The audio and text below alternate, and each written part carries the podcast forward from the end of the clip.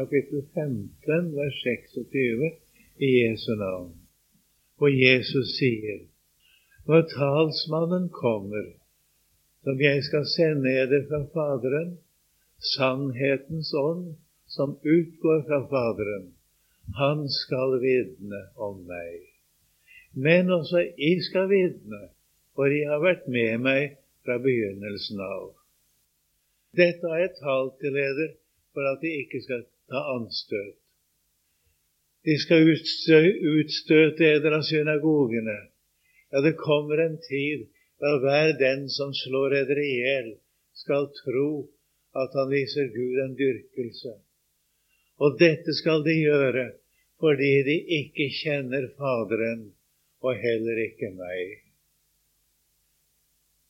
Dette taler jeg til eder for at de, når timen kommer, da skal minnes at jeg sa dere det. Men dette sa jeg ikke fra begynnelsen, fordi jeg da var hos eder. Men nå går jeg bort til Ham som har sendt meg, og ingen av dere spør meg, hvor går du hen? Men fordi jeg har talt dette, har sorg fylt deres hjerter. Men jeg sier dere sannheten. Det er til gagn forræder, at jeg går bort. For går jeg ikke bort, da kommer ikke talsmannen til leder. Men går jeg bort, da skal jeg sende ham til leder. Og når han kommer, skal han overbevise verden om synd og om rettferdighet og om dom.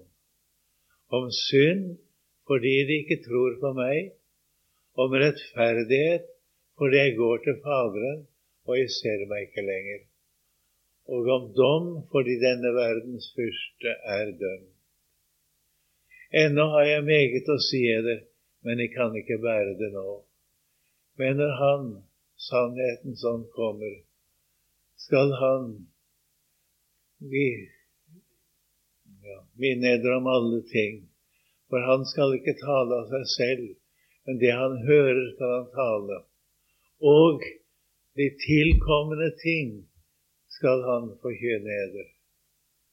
Han skal herliggjøre meg, for han skal ta av mitt og forkynne eder. Alt det Faderen har, er mitt. Derfor sa jeg at han skal ta av mitt og forkynne eder.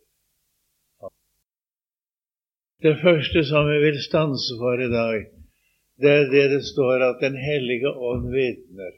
Han er sannhetens ånd. Jeg har tidligere vært inne på hva det betyr at han er talsmannen. Det har jeg ikke tid til å gjenta nå. Om Gud vil, og jeg får oppleve pinsen, skal jeg prøve å komme tilbake til det igjen her i pinsen.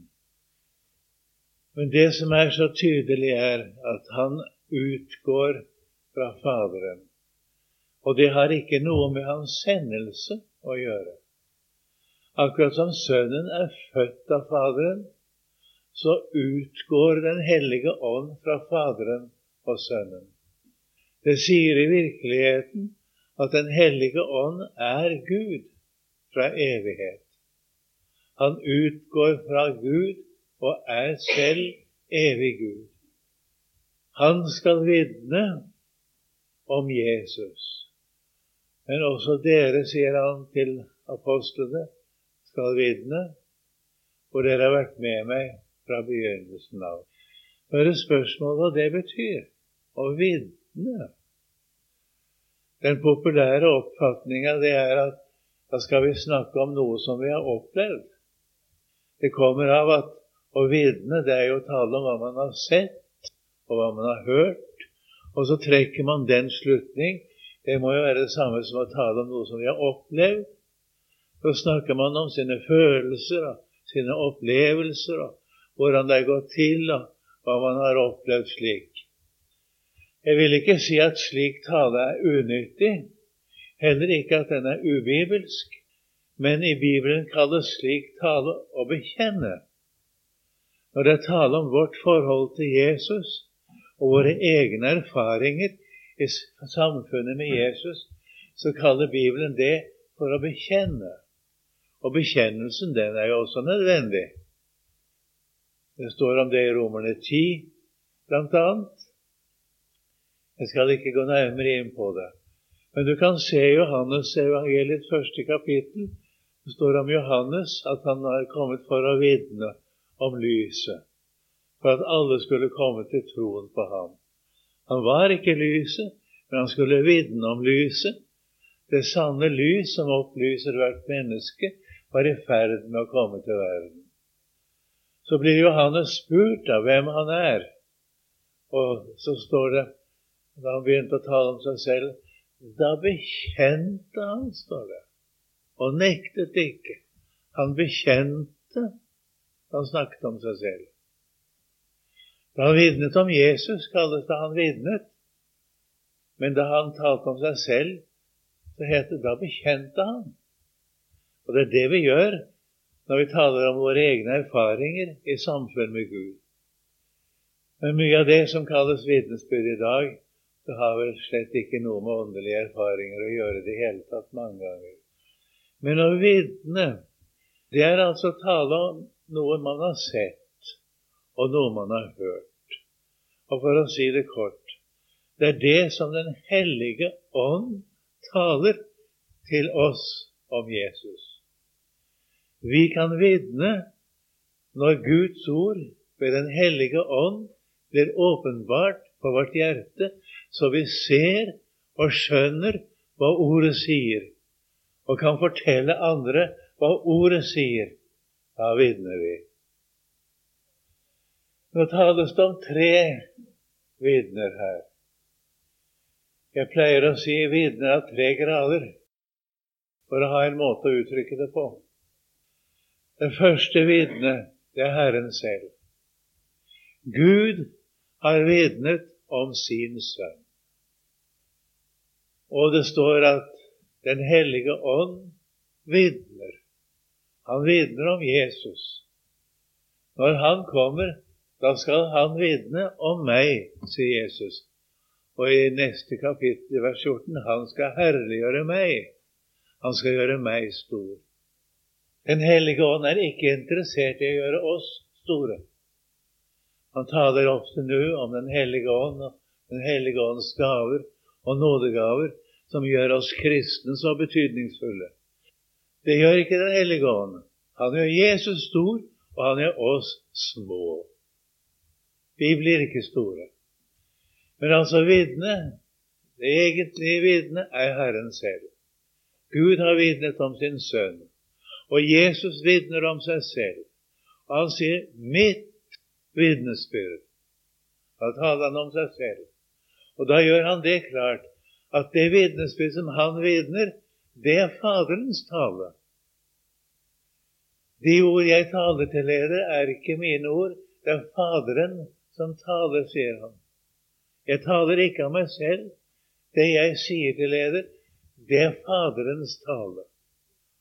Dette er det store og det egentlige vitnet. Det er Herren selv.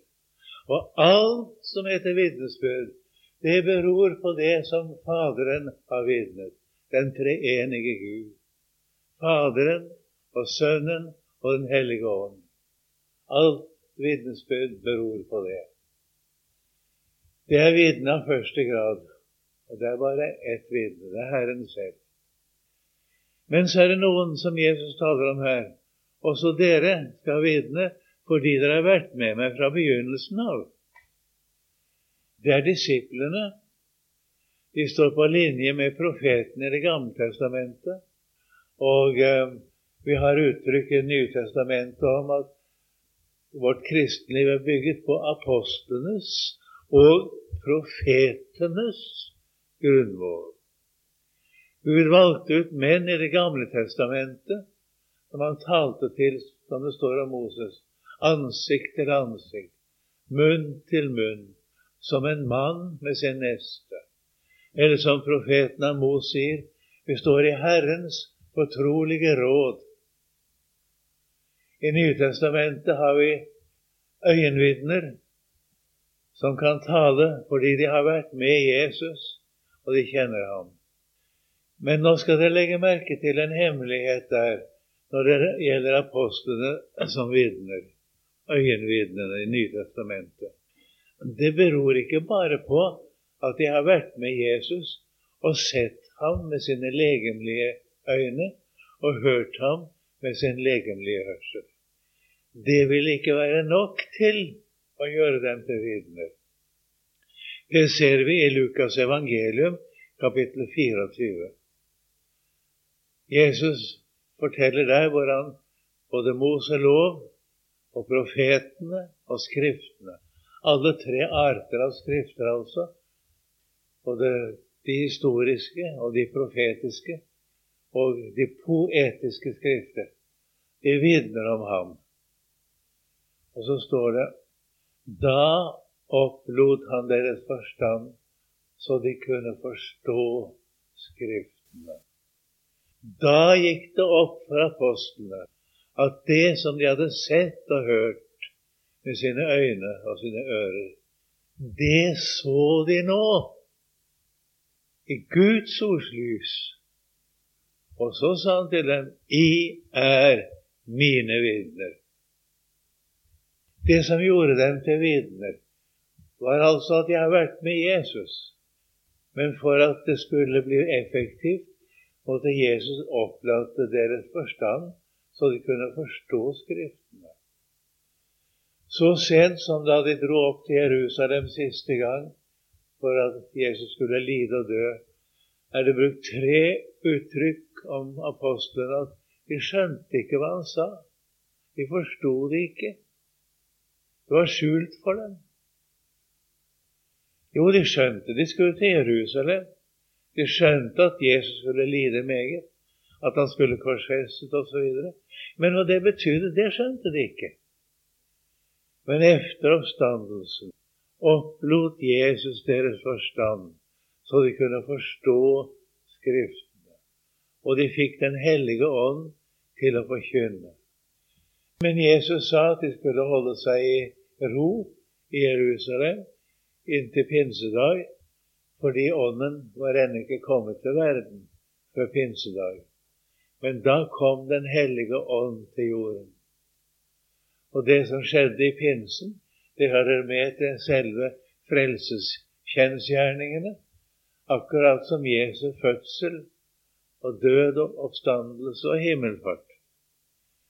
Og da ble det mulig å tale Guds ord når som helst, hvor som helst, og til hvem som helst. Og det har vi jo en illustrasjon til på pinsedag gjennom Peters tale. Det var jo underlig. Peter talte der, og det var til stede folk med mangfoldige dialekter og språk. Og så står det det, hvordan går det til at vi alle vi hører dem tale i vårt eget språk? Peter og apostlene talte da i tunger. Men de talte ikke alle disse språkene. Det kunne de jo ikke, for de var jo bare tolv eller elleve. De kunne ikke det. Men de, de som var til stede, de oppfattet den tungetalen som en tale i det språk de selv snakket. Så på den måten skjønte alle som var til stede, hva det var Peter forkynte om Jesus. Der ser vi hvordan vitnesbyrdet begynner å virke. Og med det kommer vi da til det vi kaller vitner av tredje grad. Og det gjelder alle kristne mennesker. Vi som tror på Jesus, vi er alle kalt til å vitne. Men det betyr ikke at vi skal snakke om oss selv og våre opplevelser. Det betyr at vi skal få lov å være redskaper for Den hellige ånd til å peke for andre mennesker på det som Gud selv har åpenbart for vårt hjerte i Guds eget ord om Jesus og om frelsen. Og vitnesbyrd det er ikke å tale om hvem som helst eller hva som helst. Det er å tale om Jesus og frelseskjensgjerningene. Og ut ifra det at dette er blitt åpenbart for en, for en ser det, en skjønner denne tale. Og det gjelder altså at Herren får opplate vår forstand på samme måte som han opplot sine disiplers forstand den gangen. Og det gjør han ved sin egen hellige ånd også i dag. All virkelig kristen forkynnelse skulle være vitnesbyrd. Altså vitnesbyrd i bibelsk mening. Det skal ikke være tanker som en predikant har om forskjellige ting. Det skal være Guds eget ord som taler. Og den som taler, skal gjøre det fordi Gud selv har talt til ham først gjennom ordet. Og så bærer han det videre. Det gjorde jo apostlene. Men Jesus fortsetter da med å si at dette blir ikke populært. Jeg taler dette til dere, jeg har sagt dette til dere for at de ikke skal ta anstøt, sier han. De skal utstøte dere av synagogen. I synagogen var samlingsstedet om Guds ord. Der var de samlet om loven. Den sto i høysetet. De har samlet om profetenes skrifter. Og de har samlet om Davids salmer, som de brukte som bønner, og som de brukte å synge. Det var en konsentrasjon, og det kan en merke i en synagoge en dag i dag hvis en går inn i en ortodoks synagoge. Det dreier seg om Guds ord. Og det var anledning for hvem som helst til å kunne si noe. Og rent historisk er synagogen forbilde på våre bedehus. Og eh, de leste da gjerne, særlig av profetene, da, de leste da. Og så ble bokrullen rullet sammen og gitt til synagogetjeneren. Og så satte den seg, den som skulle si noe. Og så talte han mens han satt. Og det var fritt for hvem som helst som ville gjøre det. Og det var det Jesus gjorde. Han gikk til synagogen etter sin sedvane. Han pleide å være med i synagogegudstjenesten. Og Jesus anerkjente synagogegudstjenesten. Desto alvorligere er det å høre her at når vitnesbyrd om Jesus kommer for alvor, så kommer de som bærer dette vitnesbyrdet, til å bli utstøtt av synagogen. Og det skjedde da også. De ble utstøtt, og de ble forfulgt. Og mange mistet livet. Men det kommer en tid da hver den som slår dere i skal tro han viser Gud en dyrkelse. Og jeg tror nok at vi har slike tider foran oss igjen. Du kan merke deg at vi lever i en meget religiøs tid. Og det som preger vår tid, det er troen på Gud som menneskenes far. En allmenn religiøs Gud fader-tro, den står i høysetet. Og alle mennesker er brødre. Alle mennesker er egentlig Guds barn så kommer vi og forkynner noe annet. Vi begynner å tale om at Jesus, han er Gud. Nei, sier de, han, han er ikke Gud. Han er et menneske. Riktignok det beste mennesket som har vært.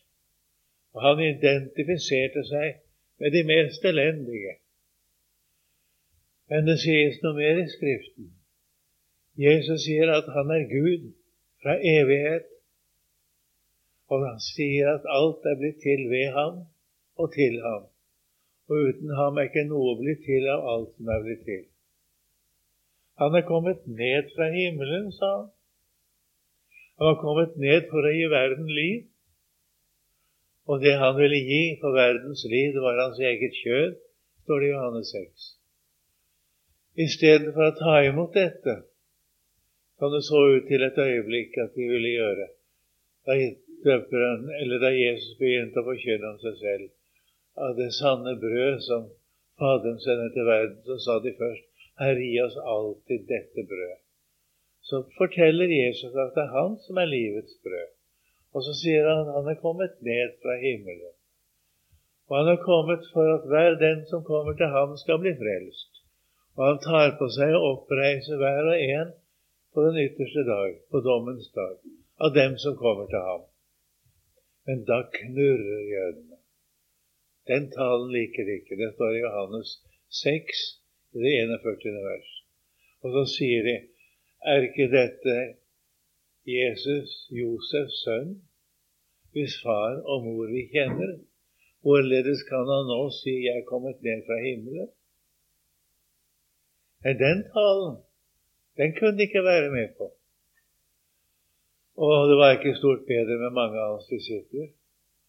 Da Jesus hadde talt om at han var kommet for å gi sitt liv og blod, gi seg selv som soneoffer for våre synder, så sier mange av hans disipler da de hørte det, dette er en hårtale. Hvem kan høre den? Hår betyr der ubegripelig, uforståelig, en meningsløs tale. Hvem kan høre den? Og da Jesus visste at dette voldt dere mannstøtt, eller at de diskuterte om det, så sier volder dette dere mannstøtt, enn når dere får se menneskesønnen fare opp dit han var før. Hva da? Og så sto bare de tolv igjen til slutt. Det var ikke populært, men de tolv, de ble der. Og Peter sier, Herre, hvem skal vi gå til? Du har det evige livs ord. Og så føyer han til og vi tror og vet at du er Guds hellige. De tror på Jesus som Guds sønn. Og det vitner han også om i det 16. kapittel i Matteusevangeliet. Du er Messias, den levende Guds sønn. Og da lovpriser Jesus Peter Kjød og blod har ikke åpenbart deg det, men min far i himmelen. Det er ingen som kan kjenne Jesus uten at Faderen åpenbarer ham. Ingen kjenner Sønnen uten Faderen. Og På samme måte er det ingen som kjenner Faderen uten Sønnen og den som Sønnen får åpenbare det for. Menneskene kjenner ikke Gud. Gud er ikke den allfader som menneskene sier han er. Og det er ikke sant at alle mennesker er brødre i den forstand som det ble sagt. Og det står med klare ord i Johannes første brev i kapittel 2. Hver den som nekter Sønnen, har heller ikke Faderen. Og det sies jo like ut at det er Antikrist, det er løgneren, den som nekter Faderen og Sønnen så kommer vi med et vitnesbyrd. Og det er nettopp det som er blitt åpenbart på vårt hjerte. Jesus, han er Gud fra evighet. Han er Guds egen sønn. Og Gud har sendt sin egen sønn til verden. Gud kom selv i kjød og ble menneske. Og Gud tok på seg å sone våre synder med sitt eget blod. Og ved dette er Guds kjærlighet åpenbart iblant oss. At Gud har sendt sin sønn, den enbårne, til verden, for at vi skal leve ved ham, står det. Dette er Guds kjærlighet. Den tåler ikke menneskene å høre. En kan møte mye motstand i dag fordi en forkynner dette. Og det kommer bare til å bli verre. Og vi blir sett på som noen outsidere som ikke kan ta riktig alvorlig. Og derfor er det i grunnen ikke så fryktelig langt til det at en dag så begynner de å slå oss i hjel og tror at de viser Gud en dyrkelse. Så la dem bare gjøre det. Da kommer vi hjem til Jesus. Og da kommer vi hastig og jeg holdt på å si på en lett måte. Det er vel ikke riktig å si. Men vi kommer snart hjem til Jesus da. Men vi må altså være klar over at med vitnesbyrde følger verdens motstand. Og verdens motstand den kommer mest gjennom religiøse mennesker. Og den farligste motstand mot Jesus kommer gjennom mennesker som samler seg om Guds ord uten å forstå det, og uten at ordet er åpenbart for dem til frelse. Dette må vi være klar over. Og dette har Jesus sagt oss her. Man undrer seg så over at en skal få motstand f.eks. fra kirkelig hold, og den og den er motstander. Etter det Jesus sier, er det det vi har å vente. Det er en mangfoldighet av mennesker som står langt fremme i kristelig arbeid i dag, og som aldri har kjent Jesus, og aldri har forstått evangeliet. Og så kommer den fattige stakkar og begynner å forkynne evangeliet. Begynner å vitne, altså. Ikke tale teori, men vitne. Tale det han har sett, fordi Den hellige ånd har åpenbart det for hans hjerte. Han kjenner Jesus. Han vet hva han snakker om. Han kjenner Guds ord. Og menneskene som hører det, de kjenner også at han kjenner Guds ord. Det merker de på seg. Dette er ikke en vanlig tale. Så blir mange frelst ved det. Og så blir det mange motstandere. Og det hører gjerne sammen en åpen dør av mange motstandere. Men det kan bli veldig trange tider for mange forkynnere. Dette må altså vi være forberedt på. Men det gode er da at Den hellige ånd er kommet, og så taler Jesus om at han, Den hellige ånd, skal overbevise verden. Da tror ikke jeg at jeg skal gå så mye inn på det. Jeg vil bare understreke én ting før jeg slutter. Det beror mye på min egen erfaring som forkynner det. Da jeg var ung, var jeg veldig ivrig til å preke, og jeg begynte naturligvis altfor tidlig. Jeg var bare 19 år. Jeg var veldig ivrig. Og så skulle jeg tale til folk om synd, da. Og det gjorde jeg visstnok nokså drastisk. Jeg husker jeg talte bokstavet i 49 C i Oslo Indremisjonslokale der på et søndagskveldsmøte. Og folk bleknet nedover forsamlingen, kunne jeg det. Så det var nokså drastisk. Og mange fikk den rene samvittighetspanikk. For jeg hadde visst talt både konkret og drastisk om syn. Men eh, jeg tror ikke det var noen som ble overbevist i Bibels forstand. Men de ble vettskremt. Det er mange som taler på den måten. Taler om gamle synder og litt av hvert. Og begynner du på den linjen, så treffer mange folk hjemme, vet du. Det er ikke noe vanskelig, det. Og det gikk jo greit på en måte, da. Så skulle jeg tale om Jesus og frelsen og prøve å legge det ut. Men det gikk ikke. Der kjørte jeg meg bom fast. Og der skjønte jeg at det var noe galt med meg når jeg talte. Jeg så ikke hvor i det gale besto, egentlig. Og jeg skal ikke gå igjennom alle de erfaringene jeg hadde. Det skal jeg spare dere for. Men en dag så gikk det opp for meg at det står her i Johannes 16 i vers 8 Han, Den hellige ånd, skal overbevise verden. Og det jeg hadde prøvd på. Å overbevise. Du vet at en overbevisning det er noe mer enn kunnskap.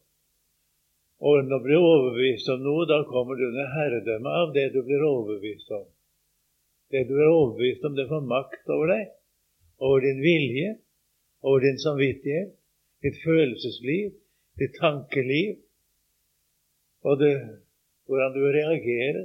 Du får makt over hele deg, det du er overbevist om. Det kunne ikke jeg gjøre. Og det hadde jeg kjørt meg fast på. Men så står det 'han'. Det ble så forløsende for meg. Og da gikk det opp for meg at jeg hadde ikke noe med å overbevise. Det var Den hellige ånds gjerning, det. Det jeg skulle gjøre, det var å peke på det som Den hellige ånd hadde sagt meg, fortelle det til andre, slik som jeg selv hadde fått se det. Og det underlige var det at det ble ikke så mye drastisk tale om synd. Det gjorde ikke det. Det ble en ganske annen måte å tale på. Men folk kom i nød. Folk ble overbevist om at de var fortapt, uten at jeg kunne skjønne nesten hvordan det gikk til. Og jeg, når jeg fikk peke på Jesus, så hørte de seg frelst. Og det var en vidunderlig erfaring. Jeg vet ikke noe større enn det når en forkynner ord om Jesus, at folk hører seg til frelse og til evig liv. Men det som jeg gjerne ville slutte denne timen med, det var det at Han, Den hellige ånd, han skal overbevise verden, står det. Vi vet at Den hellige ånd han har mye å gjøre i oss som er kristne. Han har tatt bolig i våre hjerter. Men her står det hva han skal gjøre overfor verden. Og la oss regne med det. Det gir allikevel håp så vil vi igjen takke deg, Jesus, fordi du er den du er. Fordi du er kommet. Fordi du har gjort våre gjerninger. Og fremfor alt fordi du har tatt bort våre synder, som ellers skulle dømme og anklage oss. Vi takker deg, Jesus, at dine løfter står fast i himmelen og du er trofast til evig tid. Og la oss alltid få lov å regne med deg. Så takker vi deg for de møtene vi har fått lov å ha. Så ber vi om å få lov å møtes igjen til høsten, om du vil. Amen.